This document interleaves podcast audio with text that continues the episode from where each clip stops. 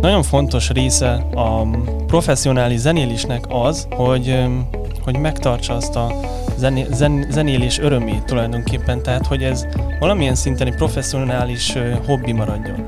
Nem csak a, a hiba nélküliségre, a bizonyos megoldandó feladatokra kell összpontosítani, hanem kell az, hogy egy élmény megszülessen a hallgatóban. Márpedig, hogyha, hogyha maga a zenész nem, nem szereti, nem, nem élményként tekint a, a zenére, akkor ez a hallgatóban nem fog megszületni. Tulajdonképpen ott lehetünk az élvonalba, és a zeneszerzőkkel közösen lehet kikísérletezni azokat az új megszólalási formákat, amik meghatározzák a következő időszakot. Tehát ez egy nagyon haladó dolog. Ez az STA online konzultáció. Arcok, történetek, élmények a Szegedi Tudományegyetemről. Célunk, hogy segítsünk neked a pályaválasztás előtt életed egyik legmeghatározóbb döntésében. Készen állsz? A házigazda Varga Gergő. Szia, én Varga Gergő vagyok, üdvözöllek az STE online konzultációban. Ma a zenéről, a zene oktatásról beszélünk. Kiderül, mennyi helyre sodorhat el az életben a zene, az, hogy milyen képességekre van szükséged, ha zenét oktatnál, és beszélünk mindarról, ami rád vár, ha a Szegedi Tudomány Egyetem Bartók Béla művészeti karát választod. Samodai Bence János a vendégem, aki oktatóként és egykori hallgatóként első kézből bocsát a rendelkezésedre infókat. Hát, hogy a laikus is tisztában legyen itt mindennel, Bence. Kezdjük azzal, hogy a, szerintem a hétköznapi ember a zenére úgy gondol, mint egy, egy kellemes időtöltés, egy kikapcsolódási forma. Ezzel szemben most úgy kellene beszélgetnünk a zenéről, mint egyetemi keretek között zajló oktatás. Pontosan aki, aki zenét tanul, illetve ezzel foglalkozik, ő mennyit, mennyit tanul, mennyi időt szán az életéből erre, akár az egyetemi keretek között, vagy arról is beszélhetünk, hogy mikor kell, hogy megszülessen ez az ötlet valakiben, hogy, hogy ezzel szeretne foglalkozni. Uh-huh. Hát itt most alapvetően elég komplex kérdést tettél fel. Én úgy gondolom, hogy a zenetanulás az egy életforma, és, és nagyon fontos része a, professzionális zenélésnek az, hogy, hogy megtartsa azt a zené, zen, zenélés örömét tulajdonképpen, tehát hogy ez valamilyen szinten egy professzionális hobbi maradjon. Tehát nem csak a, a hiba nélküliségre, a bizonyos megoldandó feladatokra kell összpontosítani, hanem kell az, hogy egy élmény megszülessen a hallgatóban. Márpedig, hogyha hogyha maga a zenész nem, nem szereti, nem, nem élményként tekint a, a zenére, akkor ez a hallgatóban nem fog megszületni. Ez a fény, ez benne marad a szemükben uh-huh. azután is, hogy már évek óta zenét tanulnak, illetve rá kell segíteni oktatóként arra, hogy ez a, ez a szenvedély ez megmaradjon? Úgy gondolom, hogy igen, ez egy célunk. Tehát, hogy a motivációt fenntartani, mind a mellett, hogy nagyon sok feladatot, nagyon sok új dolgot meg kell tanulni a hallgatóknak, akár kevésbé izgalmas, szárazabb dolgokat is, akár pedagógiai fogásokat, ilyesmiket, de ezt is úgy kell valahogy tálalni nekik, hogy ez motiválja őket, hogy ez bizony később kell lenni fog, ezt, ezt használni fogják, és ez egy gyakorlati dolog, nem csak elméleti. Mindenkinek megvan ez az adottsága, hogy ezt a tudást továbbadja, vagy ezt tanulni kell, akár az egyetemen itt oktatják ezeket a képességeket, vagy hogyan alakul ez ki valakiben, akár benned személyes példán keresztül. Uh-huh. Alapvetően van művészeti, előadó művészeti képzés is, meg van zenetanári képzés is. Nyilván a kettő között azért van különbség, hogyha valaki osztatlan tanárira adja be például Szegedre, akkor nagyon sok pedagógiai dolgot fog tanulni. De ezek, mint mondtam, nem olyan nagyon száraz dolgok, hanem később nagyon, gyakorlatias skillekké válnak tulajdonképpen. Én mondjuk trombitát, hogyha előadó művészként végzem, akkor azt szerintem át tudom adni akár még tanári pedagógiai tanulmányok nélkül is nagyon sok dolgot át tudok adni. Persze akkor ezt, ezt később tanulni kell, de, de szerintem én nem választanám annyira nagyon külön ezt a kettőt. És akkor mi az, amit, amit viszont tanulni kell? Tehát amit meg kell tanulni valakinek, hogy tehát hogyha megvannak azok a, a zenei alapismeretek, amiket uh-huh. enélkül is át tudsz adni, mi az, amit nem tudsz átadni? Vagy mi az a képesség, ami alapvetően nincs meg az emberben? Igen, és így, már, Igen. így már értem a kérdést. Például a személyiségfejlődés az egy nagyon-nagyon fontos része. Most, hogyha például valaki alapfokon oktat, akkor az egy nagyon érzékeny periódusban érinti az adott szemét, mondjuk egy gyereket a 8-9 éves korában, azért ismerni kell, hogy a személyiség fejlődésnek melyik szakaszában öm, van most abban a pillanatban, ilyenkor öm, milyen ö, fogásokat öm, kell alkalmazni, hogyan kell hozzányúlni. Például azért öm, egy ilyen esetben a zeneképzés az egy nagyon érzékeny dolog, mert valamilyen szinten egy harmadik szülővé is válhat adott esetben a tanár. És, és ezáltal nem csak a zenei, hanem egyéb más fejlődésére is kihat. A tanár. Igen, tehát különböző készségeket kell fejleszteni egy zenetanárnak, nem csak a, a zenéhez személyes való példa is lesz adott esetben. Uh-huh. Ezért nagyon-nagyon mm, vigyázni kell. Most egy területet érintettünk, ami esetleg egy célja lehet valakinek, tehát elkezd zenét tanulni, közben megismeri ennek a tehát megismer pedagógiai skilleket, ezeket tudja kamatoztatni, elmegy oktatni. Uh-huh. Lehet ez egy út, amit, amit bejár mondjuk így valaki, van, aki zenét tanul.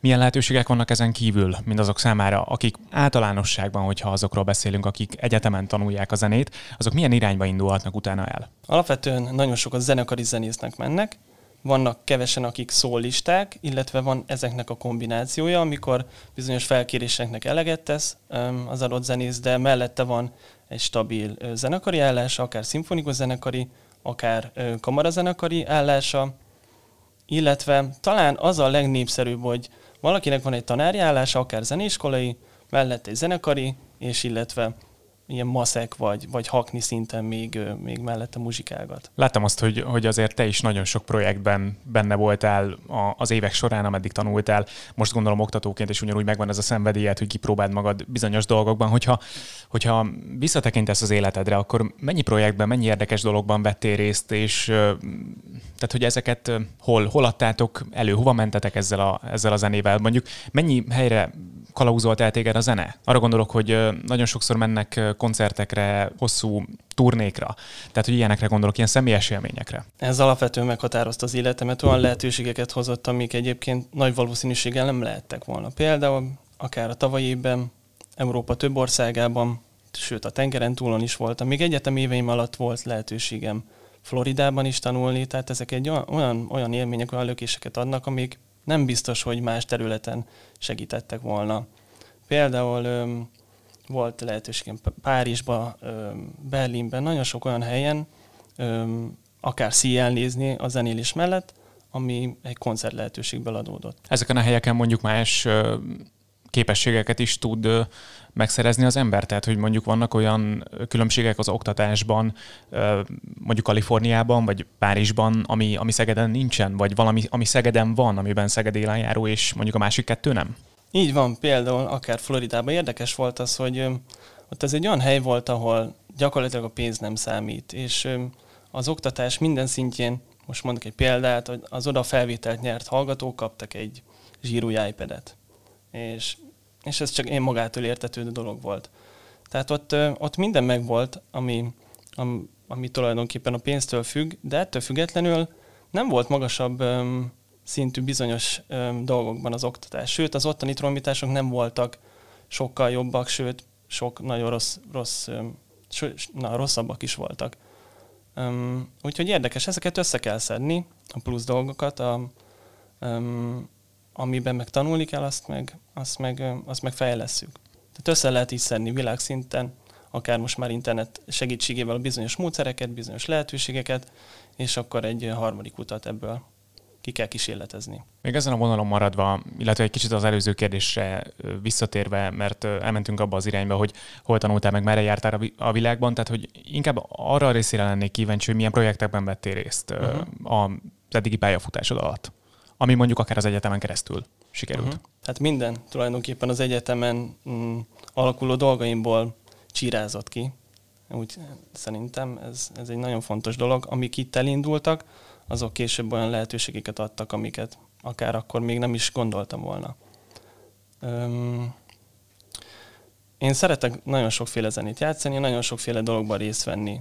É, éppen ezért akár öm, korhű hangszereken, a barokk trombitálás, a kortás zeneszerzőkkel való ö, együttműködés, és akár a könnyű zene is, a klasszikus ö, zenei hagyományos ö, ö, tanulmányokon felül még részt, részt vettem ilyenekben az egyetem évém alatt, és ezek bizony kinőtték magukat. Több olyan projektem is van, amik, amik most nagyon-nagyon komolyak számomra. Ilyen például? Hát például a barokk trombitálás. Uh-huh. Az egy viszonylag réteg dolog, tehát ilyenkor régi hangszereken, régi módszerrel épített hangszereken játszunk, ez egy egészen új megszólalási forma, meg ilyen például a kortárs zeneszerzőkkel való együttműködés, amikor tulajdonképpen ott lehetünk az élvonalba, és a zeneszerzőkkel közösen lehet kikísérletezni azokat az új megszólalási formákat, amik meghatározzák a következő időszakot. Tehát ez egy nagyon haladó dolog, meg, meg akár a könnyű zenének a klasszikus hangszereken való feldolgozás is egy ilyen érdekes dolog. Mennyire támogató ebben az egyetem? Milyen lehetőségeket talál az, aki ilyen nagy ambíciókkal érkezik? Tehát ez például én, mint laikus kívülálló azt mondom, hogy valószínű nem sok mindenki van, aki ilyesmivel szeretne próbálkozni, mint amivel te próbálkozol. Hogyha hasonló ötlete van az embernek, és oda megy az egyetemre, és azt mondja, hogy hát oké, srácok, akkor ezt akarom megvalósítani, akkor ember mellett áll a, a Szegedi Egyetem? Abszolút. A zeneoktatás az egy nagyon rugalmas dolog. Tehát ezt nem úgy kell nézni, mint mondjuk egy bölcsészkaron. Itt nagyon sok mm, teret engednek a, a hallgatónak az oktatók. Illetve emellett nagyon-nagyon sok új lehetőséget akár már a honlapon elérnek a hallgatóink, és ezek inspirálhatják arra, hogy például menjenek Erasmusszal Németországba, és nézzék meg, hogy ott, ott milyen módszerekkel, hogy a, mit csinálnak az emberek a, a zenében. Nagyon népszerű a szegedi képzés, hiszen én is számtalan olyan emberrel találkoztam, aki, aki mondjuk akár a, a közeli országokból jön ide mondjuk mesterképzésre, vagy, vagy akár az alapképzésre, de távolabbról is érkeznek folyamatosan, és, és mondják is ezt, hogy, hogy jó a szegedi zeneképzés. Miben nagyon erős, vagy miben más mondjuk, mint más képzések, és egyáltalán Szegednek mi a, a vonzereje, ami mondjuk téged is ide vonzott? Nálunk a zenoktatásban úgy van, hogy az ember, a hallgató az nem feltétlenül intézményt, hanem, hanem inkább egy professzort, egy, egy mentort válasz magának tehát ilyen szinten egy kicsit speciális a helyzet, de ettől függetlenül a karunk az egy, az egy nagyon családias környezetben, egy nagyon jó légkörben működik folyamatosan. Ez azért meg szokta fogni az embereket, illetve hát Szegednek a, a varázslatos hangulata, a város az nekem, nekem egy nagy szerelem volt első, első pillanattól kezdve.